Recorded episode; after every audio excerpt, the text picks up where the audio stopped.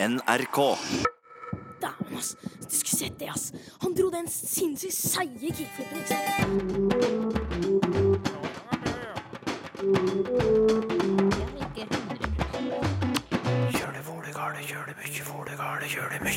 Vi lanserer et forslag til en ny fagterm for en språklig misforståelse i dag. Altså, det er jo Lakmustesten for om et fagbegrep eller for en, eh, for en ny term fungerer. Det er jo om eh, det er lett å huske, om det er lett å bruke.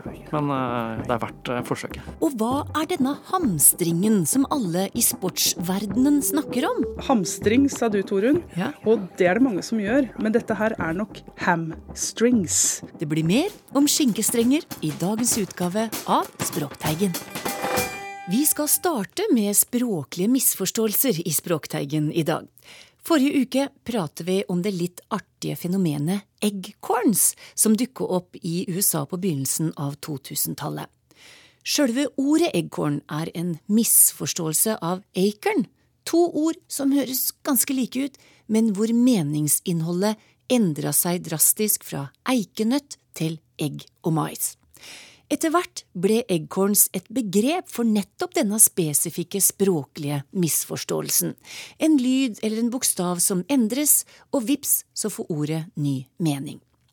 Og Georg Kjøll, lingvist med stor interesse for språklige misforståelser, ga noen flere eksempler. Hvis man snakker om at noe er next door, altså eh, døren ved siden av, eller naboen, og isteden snakker om det som next door, altså den neste butikken, så er det et eksempel på en eggkorn. På norsk har vi jo en eh, sykdom som kalles glutenintoleranse. Men den har også en eggcorn-variant i glutenintoleranse, hvor gluten er byttet ut med allmenn kjent gjenstand fra husholdningen isteden. Og type posttraumatisk stresslidelse, som er et sånn langt og vanskelig ord, både lydmessig og innholdsmessig, det kan ofte også omfortolkes til postdramatisk stresslidelse. Og forrige uke, Georg, så etterlyste du et norsk ord for dette fenomenet. Men det må vi utdype, for vi har jo allerede en fagterm for språklige misforståelser som heter folkeetymologi. Ja, det stemmer. Det er en eh, betegnelse i eh, fagspråket som har blitt brukt til å beskrive dette fenomenet. Og man snakker ofte om sånne typer forvekslinger da, som, eh, som folkeetymologi. Altså at man endrer en del av et ord under påvirkning fra noe annet, og så får man et nytt resultat. Men det har vært brukt om litt forskjellige ting. og det beskriver noe som kanskje er litt videre enn det vi snakker om på engelsk som, som enkorn. Og det, dette kan også brukes til å omtale ord som man sier, eh, og så eh, høres det helt likt ut som det opprinnelige, men så har man kanskje feiltolket litt hvor det kommer fra. Så hvis man tenker at høysnue handler om eh, høy, altså tørket gress, så stemmer ikke det. Eh, Det kommer av eh, altså, det er egentlig et synonym for storsnue, da. Eh, så det handler om rett og slett adjektivet høy. Og det vil man aldri oppdage, med mindre man begynner å spørre og undersøke hva, ja, men hvor tror du det kommer fra. Eh, Og så finner man ut at man har med en folkeetymologi å gjøre. Men eh, det vil ikke passe under definisjonen av det vi har snakket om som eggkorn, fordi det høres eh, helt eh, likt ut. Og dette fenomenet folkeetymologi eh, blandes også, eller brukes også litt eh, om hverandre med et relatert fenomen, nemlig der hvor ikke-vitenskapelige, ikke-språkvitenskapelige forklaringer av, eh, av ords opphav og opprinnelig betydning eh, går inn som en del av en sånn fortelling om det ordet. Og på engelsk så har vi en del av de, bl.a. i ordet Porsche, som vi også bruker i norsk slang, om noe som er litt sånn fint og, og snobbete. Hvor man kan ofte finne en forklaring om at det kommer fra cruiseskip. Og man hadde lugarer som hadde eh, som, eh, som sin beskrivelse at de var port out, starboard home. Eh, så det var den beste plasseringen da, på skipet. Det var de dyreste, eh, dyreste lugarene. og derfor ble denne forkortelsen til en, et synonym for fint og staselig. Det er det ikke noe dekning for. Eh, språkforskere tror ikke at det egentlig stemmer, så det har blitt en sånn falsk etymologi, da, som, som man også kaller det, kaller det på norsk. Men også, og ofte omtales det, dette også som, som folkeetymologi. Så eh, dette folkeetymologibegrepet har, eh, ja, har, har lever litt sitt eget liv. Det brukes om noe som er litt mer generelt enn en eggkorn. Da. Eh, og altså, det er ikke forsket veldig mye på dette her. Eh, det mest eh, fullstendige og gjennomarbeidede som har vi gjort på norsk, er en bok av Helge Gundersen som kom i 1995, basert på hovedoppgaven hans. Den har en veldig morsom tittel. Den er tilgjengelig via bokhylla tjenesten til Nasjonalbiblioteket, så den anbefaler jeg på det varmeste. Den heter 'Linjedansere og pantomine på sirkhus'. Folkeetymologi som morfologisk omtolkning. Så dette er en, en ja, en vitenskapelig behandling av dette fenomenet. Da. Så eggkorns blir altså en helt spesifikk form for misforståelser da, innafor folkeetymologien. Og du mener at den trenger et navn på norsk. Hvorfor det? Ja, og jeg syns folkeetymologi er et veldig eh, fint begrep på, på mange måter. Det fanger, eh, det fanger, en del av det vi, eller det fanger veldig mye av det vi snakker om. og det er kanskje litt av problemet at det er litt, litt lite spesifikt. Eh, så jeg syns vi skal ha et eh, litt, mer, et litt mer spesifikt begrep for dette her. Eh, og gjerne noe som er litt mer gjennomsiktig. Så på samme måte som det går veldig fort å forklare hva et eggkorn er, og hvorfor det er en misforståelse, og det er et godt eksempel, så kunne jeg godt tenke meg noe tilsvarende på norsk. Et litt mer gjennomsiktig uttrykk som har en årsaksforbindelse, eller kan være et eksempel på, på det fenomenet det, det, selv, det, selv, omtaler. Jeg har fått et par forslag da, til hva det kan kalles på norsk. Ja, det er jo spennende. Ludvig eh, Kjelmeland foreslår sølvkorn. Ettersom det ikke nødvendigvis er et gullkorn. Nettopp. Det er jo veldig, veldig, morsomt. Eh, en sånn gradering av uh, ulike, ulike, språklige betegnelser. Ja, Og så har de jo en forbindelse til det engelske. Det er et veldig morsomt forslag. Trond Reitan har et annet forslag. Han foreslår bøkstaver. For hvis du bytter ut eikestaven i tønna med bøk, så ligger det bare én bokstav unna bokstav. ja, nettopp. Ja, morsomt. Det er veldig, ja, veldig gode forslag. Altså det er eh, ja, litt sånn artige referanser og litt sånn Det er litt sånn eh, det man kaller uh, Innenfor IT så kaller man dette med påskeegg. Når man begynner å pakke det ut, så ser man at her er det noe mer som gjemmer seg. Det er en morsom greie når man kan gjøre det med, med språklige betegnelser òg. Men du har et eget forslag, du? Ja, jeg er litt uh, sjåvinistisk her, for jeg har skrevet litt, litt grann om dette her. Og, og, jeg har samlet på disse uttrykkene på norsk uh, selv, som Helge gjorde i, i, i sin bok som ble utgitt i, i 95. Så jeg har tatt, gjort en egen liten samling av dette her da, i, i min egen bok om, om språklige misforståelser. Og jeg har prøvd å finne et ord som, som jeg syns kan fange fenomenet Eh, og samtidig være et eksempel på det. Og jeg syns eh, et av de fineste eksemplene på eh, egg, et eggkorn på norsk er misforståelse av sadomasochisme, som er et vanskelig, vanskelig fremmedord og betegner noe litt sånn rart og, og, og marginalt. Så Eh, jeg eh, syns at det norske eksempelet, eh, sadomaskinisme, eller sadomaskinist, omtalt om en spesifikk person, det kan være et fruktbart grunnlag for å lage en fagterm. Hvorfor i all verden har du havna på akkurat det ordet? Ja, altså det er, det er jo mange kandidater man kan ta av her, men det ordet er morsomt fordi dette er et sånt fenomen i populærkultur som man, som man har hørt om, men veldig få vet hvor det kommer fra. og det er, det er Eh, det er litt lite gjennomsiktig i sin opprinnelse, fordi det er dannet av to navn. Det er dannet av uh, Marquis de Sade, den franske forfatteren, som er første del av uh, sadisme. Og den østerrikske forfatteren Leopold von Sacher-Masoch. Uh, så har disse da blitt slått sammen i, i, denne betegnelsen. Og det er det jo veldig få som vet, men veldig mange har hørt ordet, fordi det har dukket opp mye populærkultur. Og, og så hører man det ordet, og så tenker man at man, at man, skjønner hva det betyr, fordi man har kanskje sett, sett en film eller et eller annet sånt. og så tør man kanskje ikke helt å be om klargjøring, eller man er litt usikker på hvordan man uttaler det, og da blir det fort feil. da. Så det er en veldig kort vei fra sadomasochisme til eh, sadomaskinisme, eh, fordi ordet maskin er eh, litt Ja, det er det er veldig vanlig på norsk, og eh, lydmessig så ligger det så, såpass tett at det blir fort uh, rot. Og så er det for flaut å spørre? Ja, det er, litt, det er litt flaut med mange av disse tingene som handler om uh, seksualitet og sånn, og, og så, så, så, blir det ofte, så blir det ofte misforståelser. Fordi man, man, man, stopper ikke for å spørre om det heter uh, en nymfoman eller en nynfoman, som er et eksempel på, på et eggkorn. Eller om noen er transseksuelle, eller om de er trangseksuelle. Eh, og at det kanskje kommer av at man har en seksuell trang til et eller annet. Eh, eller om noen er en transvestitt eller en transvisitt, og dermed avlegger en annen klesdrakt et besøk, en visitt et lite øyeblikk. Det, man kan jo tenke at det gir mening, og så er det litt flaut å, å begynne å spørre altfor mye om dette her i, i sammenhenger hvor, hvor det dukker opp, enten fordi ja, man burde vite det, føler man burde vite det, eller fordi det er ja, litt tabubelagt. Så her er det mange eggcorns, altså? Her er det mange eggcorns, og mitt forslag er da at vi istedenfor å kalle det eggcorns, at vi kvitter oss med den engelske betegnelsen og isteden eh, omtaler det som eh, sadomaskinismer. Men helt ærlig, tror du det kommer til å slå an?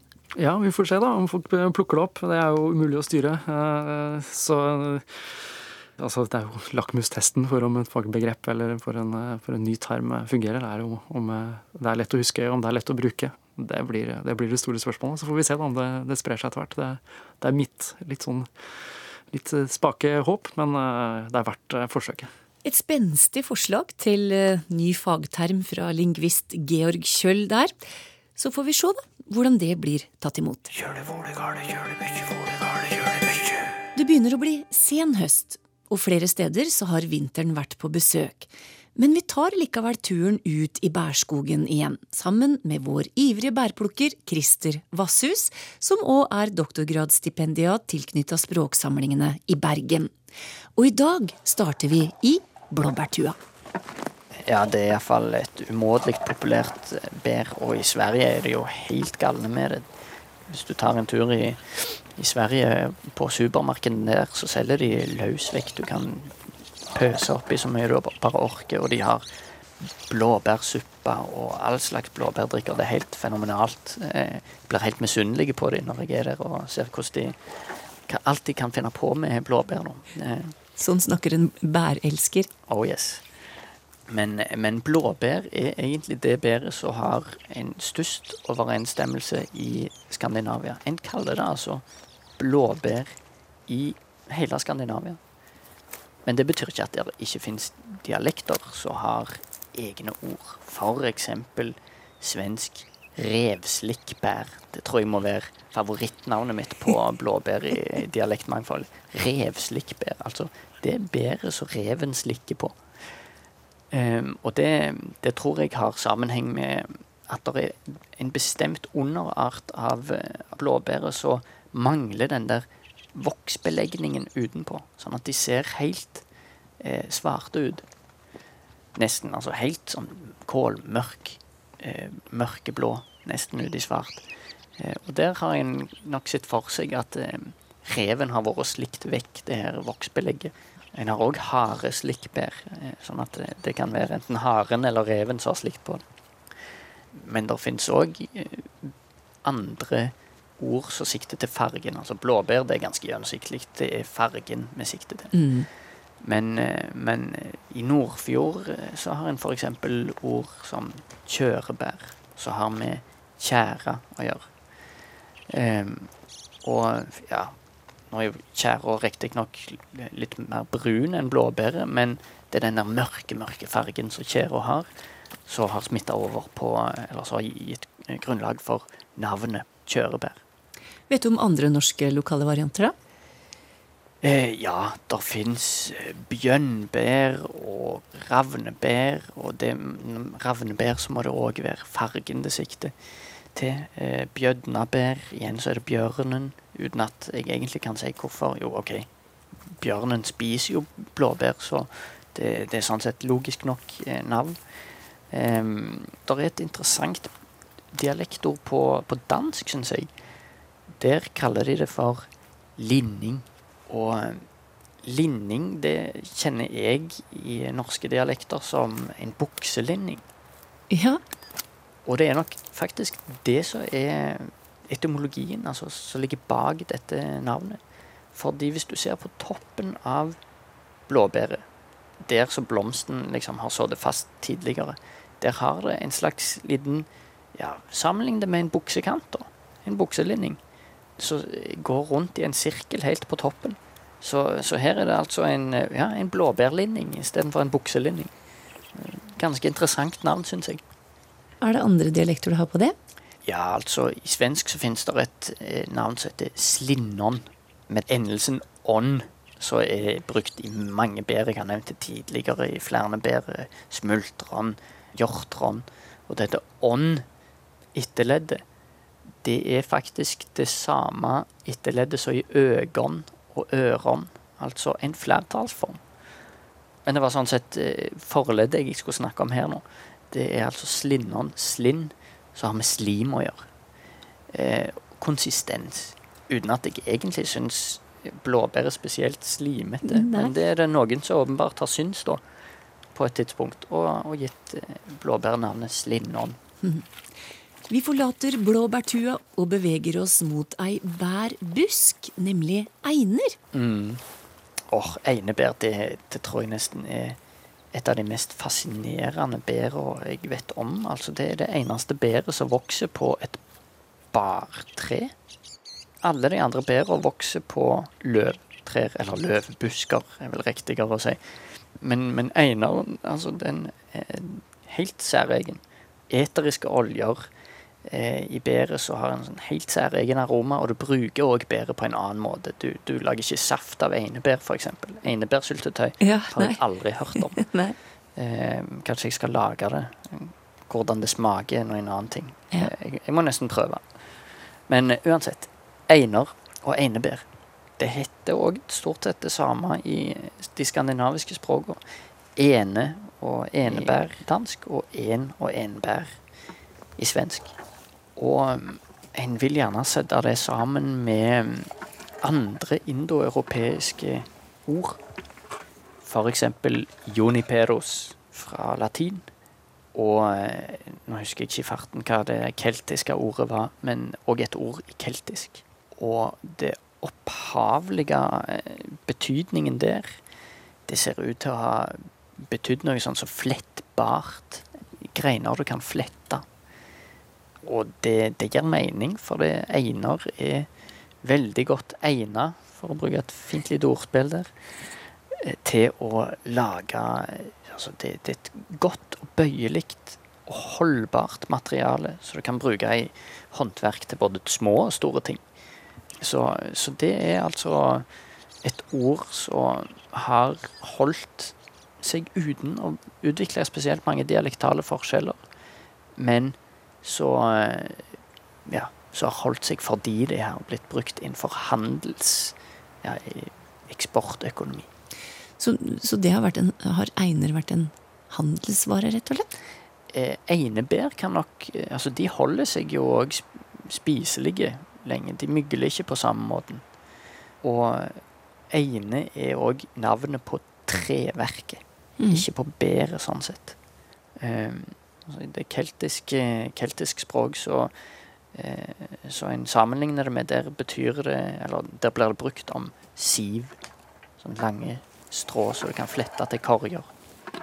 Navneforsker Christer Vasshus har vært guiden vår på nok en bærtur.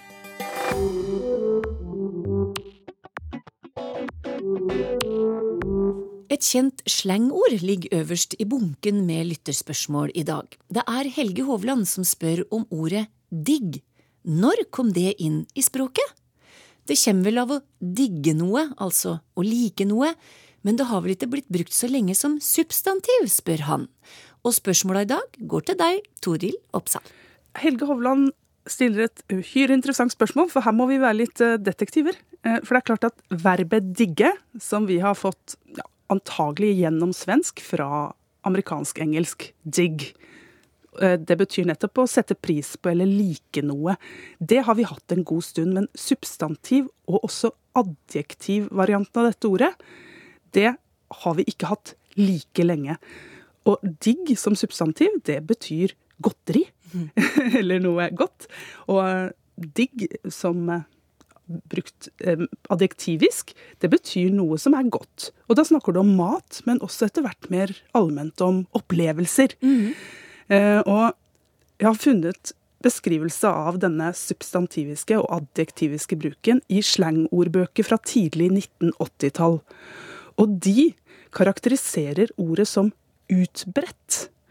Og det gjelder både i spesifikt narkotikasleng, hvor dette er nevnt, og i alminnelig bruk i ungdomsmiljøer. Og hvis noe blir karakterisert som utbredt på 1980-tallet, så, så har det nok vært der en liten stund. Men i litteraturen så har ikke jeg klart å finne et belegg på et utvetydig substantivtilfelle av dette ordet før 1980 blank. Eh, Men det tyder jo på at det har vært i bruk muntlig en liten stund før det. Kanskje så lenge som ti år. Eh, Men eh, at dette ordet er så forferdelig mye eldre enn ja, kanskje det er midt oppi en 40-årskrise, eller noe sånt, kan vi, kan vi se for oss. Eh, Jeg syns det er interessant at denne adjektiviske bruken, at noe er digg, og at vi kjøper digg, nå ikke ser ut til å ha en spesifikk slangfunksjon. Den brukes i aviser, dagligtale, og også i situasjoner der det ikke handler om mat. Og Ja. ikke handler om opplevelser. Og her må jeg nesten stille et spørsmål til NRK. Fordi her fant jeg et program på Barnekanalen, NRK Super, som het Digge dyr. Og så tenkte jeg, all verden, er dette et sånt kokkeprogram for barn? Hvor vi skal lære å, å koke hare? Nei da, dette her er, er ikke dyr man skal spise. Dette er dyr man er glad i, og som er interessant å lære mer om. Og her er en bruk jeg reagerer på. Digge dyr, da, da ser jeg for meg noe man skal spise, altså. Med mindre man er vegetarianer. Så her er det en utvikling hvor noe går fra å ha en ganske konkret og spesifikk betydning, til å favne om breiere betydningsområder. Går det an å spørre i hvilken litteratur du fant ordet ordet første gang? Jeg fant dette i, kanskje ikke overraskende, en eh, dialog i en eh, bok eh, der det var unge mennesker som snakka sammen. Det var det. Mens verbet, dette digg og diggbar, det finner vi i veldig mange typer litteratur.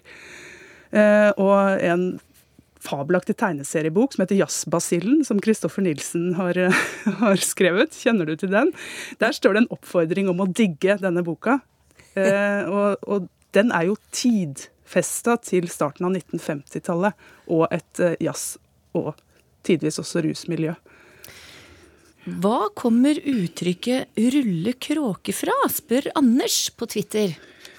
Ja, eh, jeg er vant til å kalle dette for å stupekråke, jeg, som eh, østlending. Men rullekråke fins også, ser jeg. Det er eh, en del gymnastikkbøker som bruker rullekråke. Og en forfatter som Kristoffer Uppdal, han skriver en del om å rulle kråke. Eh, Og dette her har eksistert veldig, veldig lenge i talespråket vårt. Men det fins ikke i skrift før midten av 1800-tallet, dette stupekråket.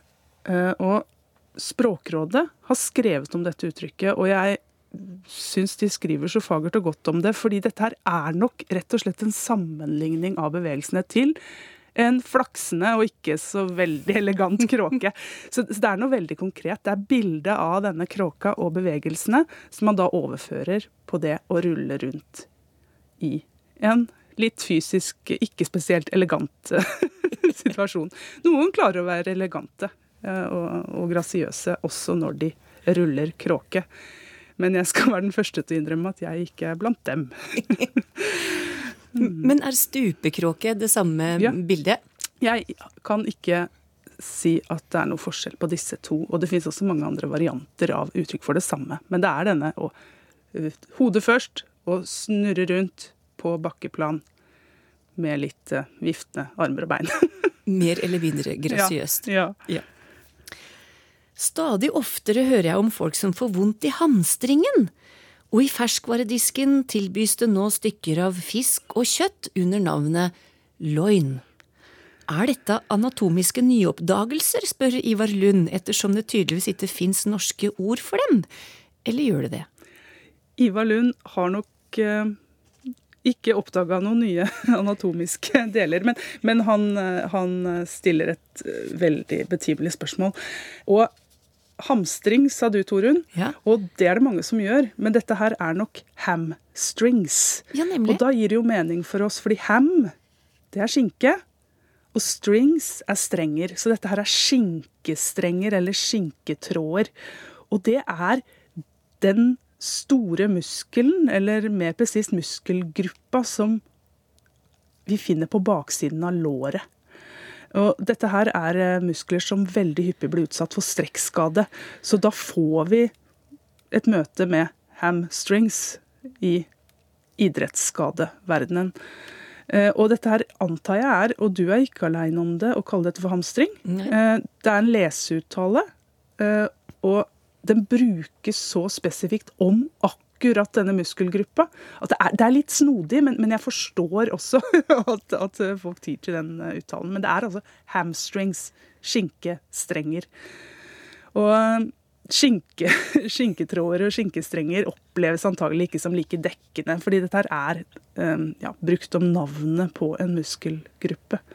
Men vi har, ingen, vi har ikke noe norsk ord for den muskelgruppa, da. eh, og det er faktisk også sånn at eh, hamstrings er det oppslagsordet du må ty til i et eh, medisinsk leksikon, f.eks. Eh, men vi kan jo prøve å innføre skinketråder eller skinkestrenger her og nå, og se, se om vi når fram. Jeg, det skal nok mye til, eh, men, men her er vi nok innafor et uh, ja, fagområde der denne termen har uh, slått rot. Og det er veldig ja, utbredt form for skrekk. Skrekk, har du hørt? Ja, det er det sikkert òg. Strekkskade. Eh, Så, så vi vil nok stadig møte denne formen for skade. Men det derre loin, Ja. ja. den syns jeg er, er eh, spennende. Ivar Lund har vært i fiskedisken, og, og det er der den altså i hvert fall Jeg opplever den som relativt ny i fiskedisken. Den har vært hos eh, kjøtthandleren litt lenger. Loin, det er Her har vi faktisk et norsk ord. Lend. Det er den delen av ryggen som ligger mellom brystkassa og hoftebeinet, eller hoftepartiet. Eh, Og tenk på lendeklede. Mm -hmm. Og i slaktebutikken så kan vi se ord som tenderloin og sirloin og diverse andre kjøttstykker. Men, men det er nok litt nyere, i hvert fall i allmennbruk, om fisk. Og der er det den fileten som er skåret ut over ryggsøylen. Så det er en ryggfilet som ligger over ryggsøylen, og der finner vi det tjukkeste og saftigste og beste kjøttet. Ofte uten noe særlig bein. Så, så det er ikke det tynne kjøttet som du har i halestykket eller i andre deler av fisken. Um, men jeg kan ikke nok om fiskeanatomi til å gi noen nærmere forklaring på dette. Men det kan være et fagbegrep, men, men jeg må innrømme noe, Torunn. Jeg syns dette er litt jålete, jeg. Eh, altså, kan man ikke snakke om et ryggstykke? Eh, er ikke det like greit? Kanskje det høres litt bedre ut med torskeloin? Mm. Men, men det er et flott stykke fisk, det er det ingen tvil om. Toril Oppsal svarte på lytterspørsmål i dag, og dette var det siste. Ha det bra. Vi høres om ei uke.